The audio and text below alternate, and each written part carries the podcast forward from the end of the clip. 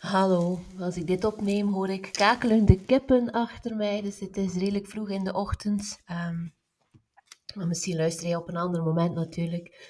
Weet dat ik het altijd heel fijn vind om te horen of te zien verschijnen op social media waar je luistert naar mij, wanneer je luistert naar een podcast. Um, je dat nog niet gedaan hebben, je kan mij helpen om nog meer mensen te bereiken door een review na te laten um, of door te delen in je netwerk. Dus uh, heel veel dankbaarheid als je dat doet. Um, zo help je mee zaadjes verspreiden en de ripple effect creëren. Waarover ik het vandaag wil hebben is over het stuk spiegelen, waar ik het heel vaak over heb.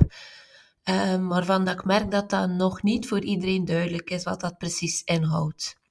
Ik zal een aantal rakende voorbeelden geven van um, hoe kinderen ons dingen spiegelen, maar ook andere relaties op het werk of thuis kunnen een spiegel voor je zijn. In feite komt het daarop neer dat ehm, als iets jou raakt uit je buitenwereld, dat dat iets zegt over je binnenwereld. Met je buitenwereld bedoel ik een persoon, een situatie, gedrag van iemand, een houding van iemand, wat iemand uitstraalt.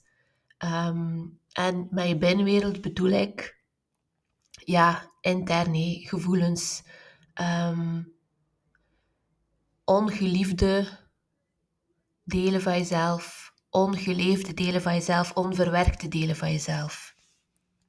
Ehm, dat vraagt misschien ook nog wel wat meer uitleg.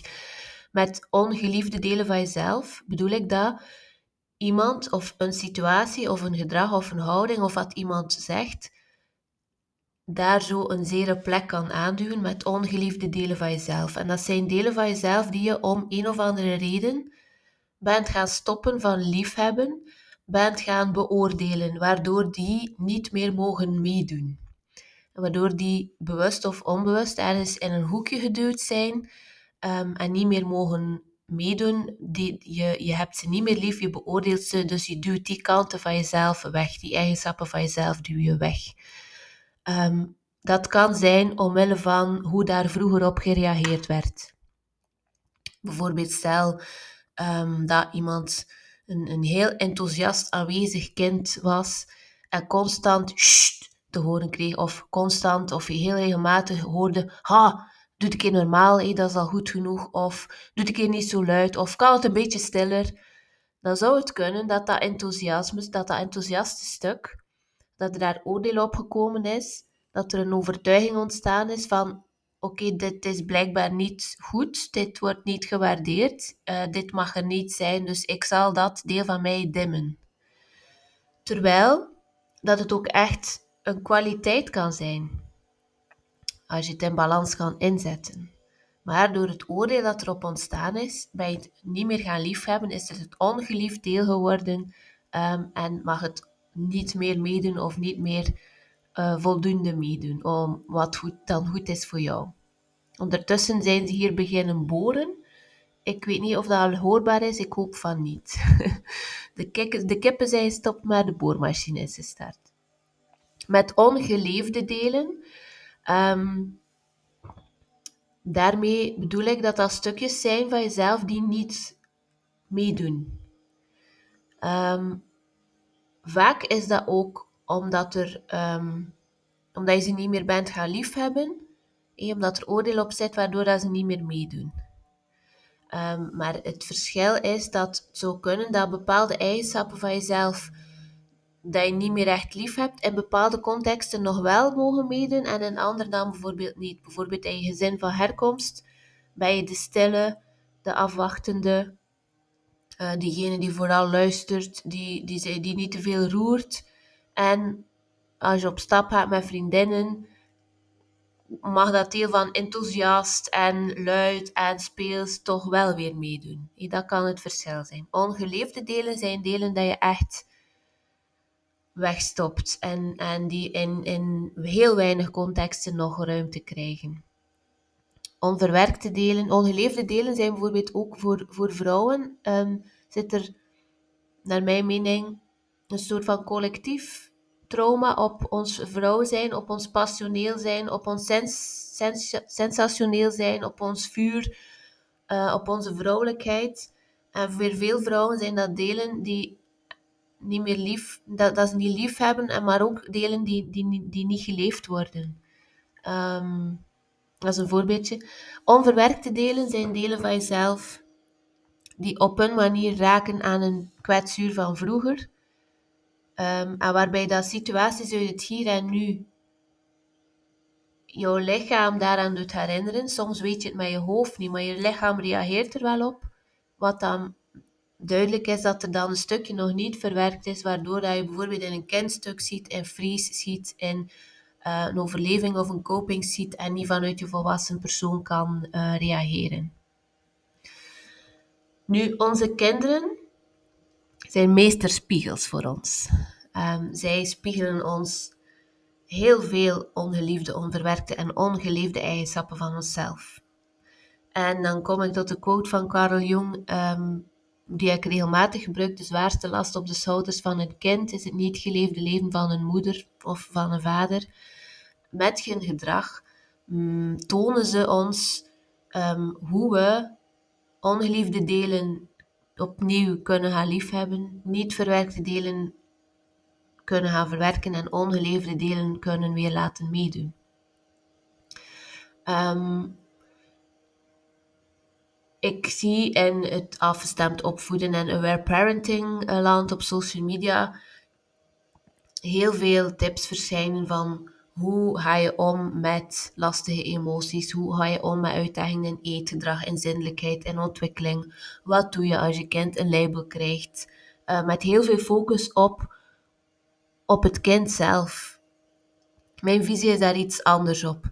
Ik geloof dat het waardevol is om tools en technieken te hebben om te gaan met je kind, maar dat dat hand in hand mag en misschien zelfs moet gaan met durven reflecteren over jezelf.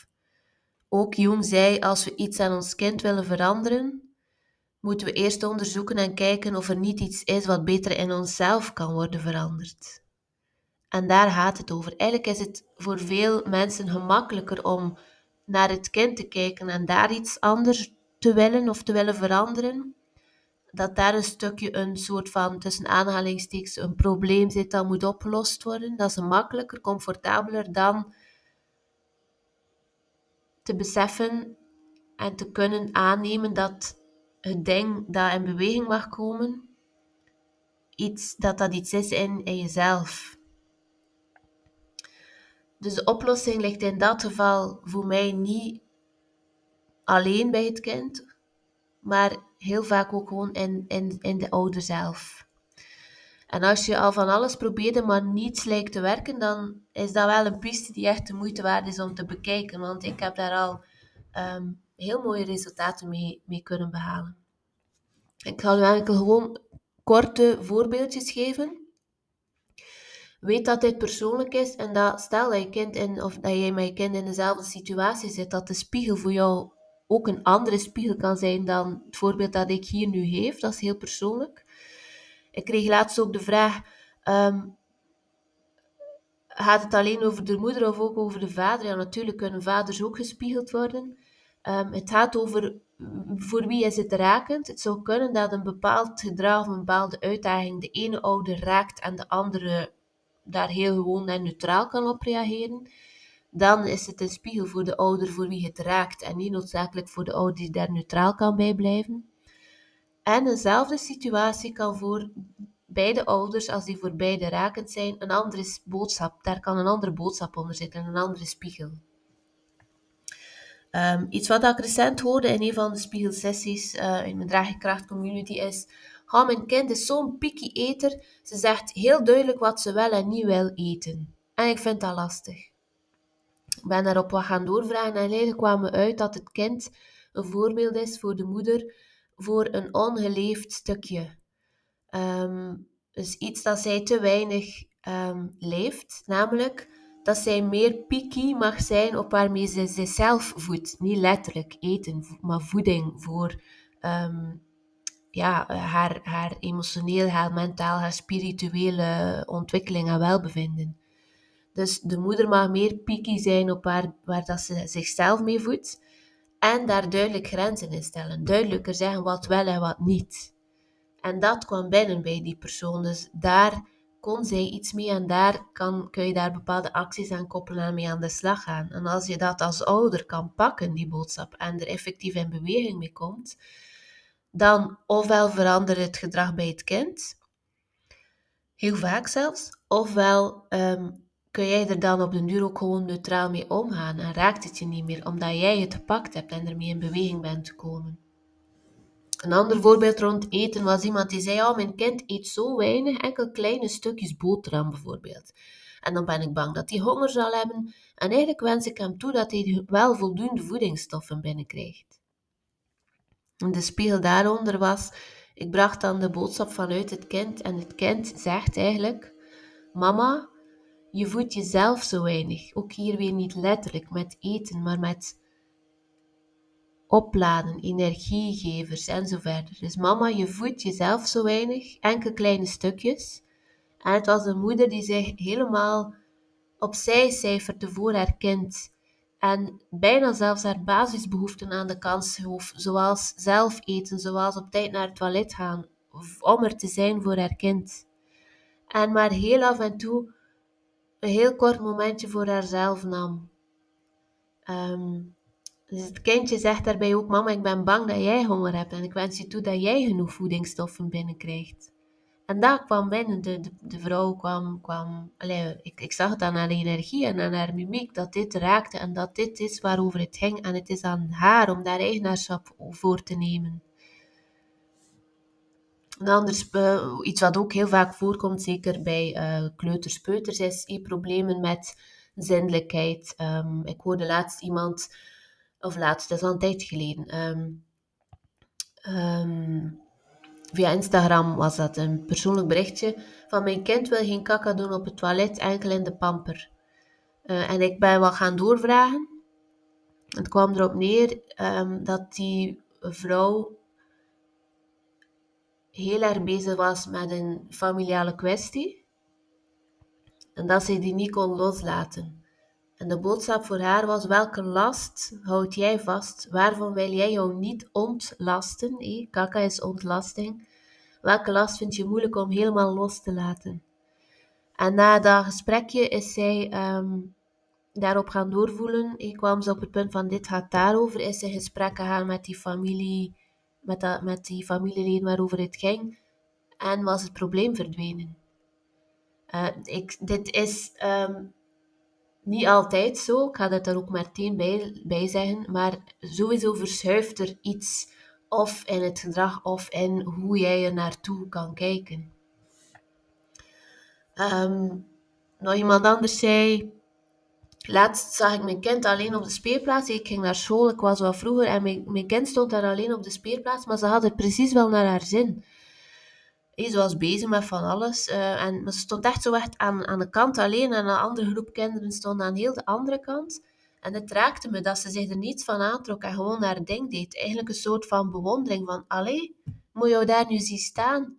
Ehm, en ik koppelde haar terug, speelplaats kan staan voor maatschappij leven. En het kind was een voorbeeld voor haar om te blijven doen en om nog meer haar zin te doen. Ook al is ze daarmee een stukje wat alleen in de huidige maatschappij. Ook al loopt ze daarmee tegen de stroom in, ook al gaat ze daarbij voorbij wat de norm is, tussen aanhalingstekens.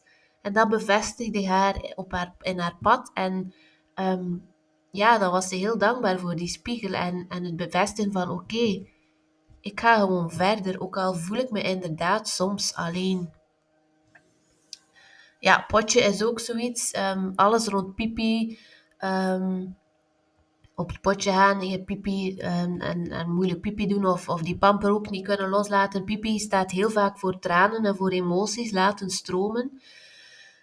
En daar ging het over, waar houdt de, de, moeder haar emoties op en bij zich en in zich en wat heeft zij nodig om die te kunnen laten stromen. Um, ook als je een bepaalde emotie van je kind heel moeilijk kan dragen. En vaak gaat dat dan over boosheid, soms ook wel over verdriet. Maar ik heb al regelmatige boosheid, dat mensen moeilijk kunnen omgaan met boosheid. Dat, dat je dan als ouder gewoon in free schiet of blokkeert of gewoon zelf helemaal over de rode gaat. Uh, een boodschap die daar kan onder zitten is, je kan ook niet omgaan met de boosheid van je innerlijke kind. Dat is een, een weggedrukt iets. Iets waar dat je om bepaalde redenen niet meer kan of bij durft komen. Waardoor dat je volwassen ik in vries schiet of blokkeert of zelf helemaal over de rode gaat. Dus de uitnodiging daar is dan die energie, die brok boosheid die daar al zo lang zit. Op welke manier kun jij dat op, binnen een veilige zone voor jezelf stap voor stap ruimte geven, naar buiten brengen, laten zien, horen en voelen? Um, kinderen die de neva, de neva, ze loopt echt de spuigaten uit. Op alles krijgen we een nee als antwoord. Dat is ook iets wat ik regelmatig um, voor, allez, hoor. En dan, um, niet altijd, maar heel vaak gaat het over dat het, dat het kind in een extreme vorm, in, soms zelfs ja, niet meer gezonde vorm of een extreme vorm, de ouder uitdaagt om te gaan doen waar dat ze zelf niet goed in is. Namelijk nee zeggen, grenzen stellen. En het kind is daar een voorbeeld voor. Waarom dat je het zou kunnen pakken, is het precies in heel uitgevergrote vorm. Dus het gaat hier ook over een ongeleefd deeltje. Um, mogelijk ook een ongeliefd deeltje. Omwille van coping kan er ontstaan zijn, waardoor dat je nu moeilijk nee kan zeggen. Eh, ADHD, ehm, ja, dat is, dat is een heel uh, kwetsbaar um, thema, vind ik. Omdat dat ook heel vaak met heel veel uitdagingen um, gepaard gaat en dan mensen daar echt heel erg zoekende in zijn. En ook daar is het belangrijk dat je leert omgaan met en je kind op, kan afstemmen op je kind en wat het binnen die diagnose dan, als er al een diagnose is, nodig heeft. Maar tegelijk geloof ik ook dat er daar die systemisch iets meespeelt. En systemisch en of ook voor jou persoonlijk als ouder. Wat er kan onder zitten, hoeft niet. Um, dat zeg ik ook wel met, een, met enige voorzichtigheid, omdat ik weet hoeveel lading en spanning er kan hangen op een kind hebben met een diagnose of een vermoeden van een diagnose. Um, maar gebrek aan aandacht voor de wezenlijke dingen in het leven, omdat je heel druk bent met onbelangrijke zaken of zaken die jou dan weghouden van wat je er echt toe doet, is iets wat ik al terug zag komen als spiegel. Ehm, ook moeilijk slapen. Ehm, kinderen die echt niet naar bed willen, die, die soms ook gewoon weer opstaan, slapen. Um, gaat over ja, je overgeven naar rust, maar ook naar het onbewuste gaan. In je slaap ga je naar je onbewuste. In hoeverre ben je daartoe bereid? In hoeverre durf je dat? In hoeverre sta je daarvoor open? Of sta je daar ook gewoon weer altijd opnieuw van op? Um, ja, ook hier weer, het, is een, het, kun, het kunnen verschillende dingen zijn. Um, laatst hoorde ik ook iemand die zat met een moeilijke relatie op haar werk. En ze zei, ja, sorry, maar dit is, het is een nieuwe collega, het is een vervanging en ik, ik blokkeer er echt compleet op. Um, ik, ik maak mezelf heel klein, ik durf mijn mond niet meer open doen. Ze, ze, ze, ze gaat gewoon helemaal over me heen. Um, toen bleek dat, dat die collega eigenlijk echt gewoon haar in een, de dynamiek van haar moeder, de relatie met haar moeder en zij als kind duwde. Of omgekeerd, doordat die collega dat bij haar oproepte, ging zij automatisch een stukje in een kindpositie gaan staan, waardoor dat die collega in een um, overrulende, volwassen, kritische ouderpositie ging gaan staan. Um, en toen dat, dat helder was, is ze wel het gesprek aangegaan met die collega en zijn er ook dingen gaan verschuiven. Uh, maar dus ook op het werk, in collega's, maar in je relatie. Alles is een spiegel. En het is zo waardevol om, om daarover te kunnen reflecteren, om dat te kunnen pakken. Want hey, relaties zijn, zonder de ander zou je, zou je ook heel moeilijker kunnen groeien. Maar zonder die relatie met de ander kan er weinig of veel minder gespiegeld worden. Dus zie dat als cadeautjes met een grote strik rond.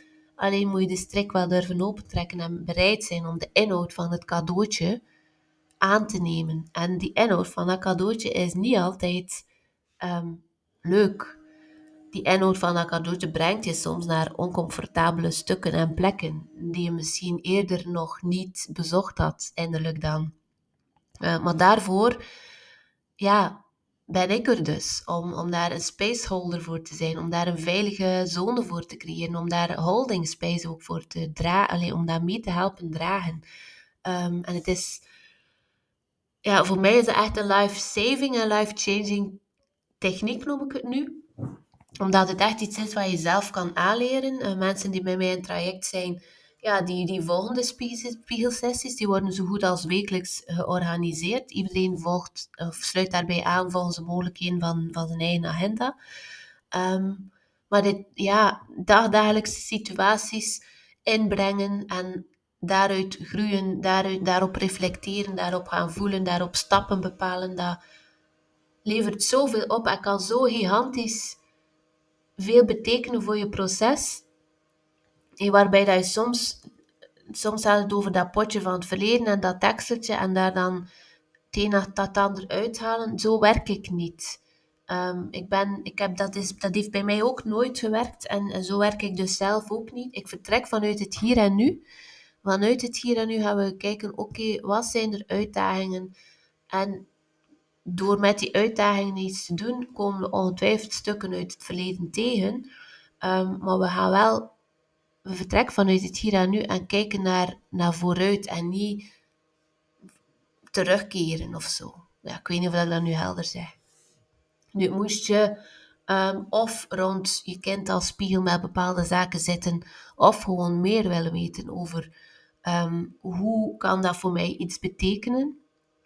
Laat dan zeker niet na om contact op te nemen, dan kunnen we afstemmen uh, of er een klik is en zo ja, uh, welke manier dat wij eventueel zouden kunnen samen op weg gaan. Je bent heel erg welkom. Contact opnemen kan via Instagram, via een persoonlijk berichtje, via hello.hatekoppeltike.be of op mijn website vind je ook heel veel informatie. Um, weet dat er ook uh, in mei een volgende Draag je Krachtdag um, gepland staat. Zaterdag 4 mei. Ehm, de inschrijvingen staan daarvoor ook al open. Dus dat is een combinatie van coaching, reflectie, vertragen, verbinden, systemisch en innerlijk kindwerk. Echt wel een stukje een deep dive. Maar dan uh, op die manier gebracht, um, ja, dat je echt wel, wel helemaal oké ook terug naar huis gaat. Ik, laat je niet met stukken zitten uh, van poef en trek er nu je plan mee. Ik uh, voorzie um, bepaalde structuren die diep gaan, maar die tegelijk ook wel behapbaar zijn um, voor die dag. je moet wel bereid zijn om je ervoor open te stellen, natuurlijk, voor dat systemisch werk, voor een keer een opstelling, voor dat innerlijk kind, om je open te stellen in de groep, om te verbinden. De gedragenheid is daar ongelooflijk. Um, ik krijg daar reacties van, heel mooie reacties van mensen die zeggen, wow, dit, dit soort verbinding heb ik zelfs niet met mijn beste vriendinnen. De thema's die hier kunnen en mogen aangeraakt worden, dat zijn thema's die ik met niemand anders bespreek. Dus voel je daar een stukje een verlangen in, contacteer mij of schrijf je in. Je bent heel erg welkom. Dankjewel voor het luisteren en heel graag tot een volgende aflevering.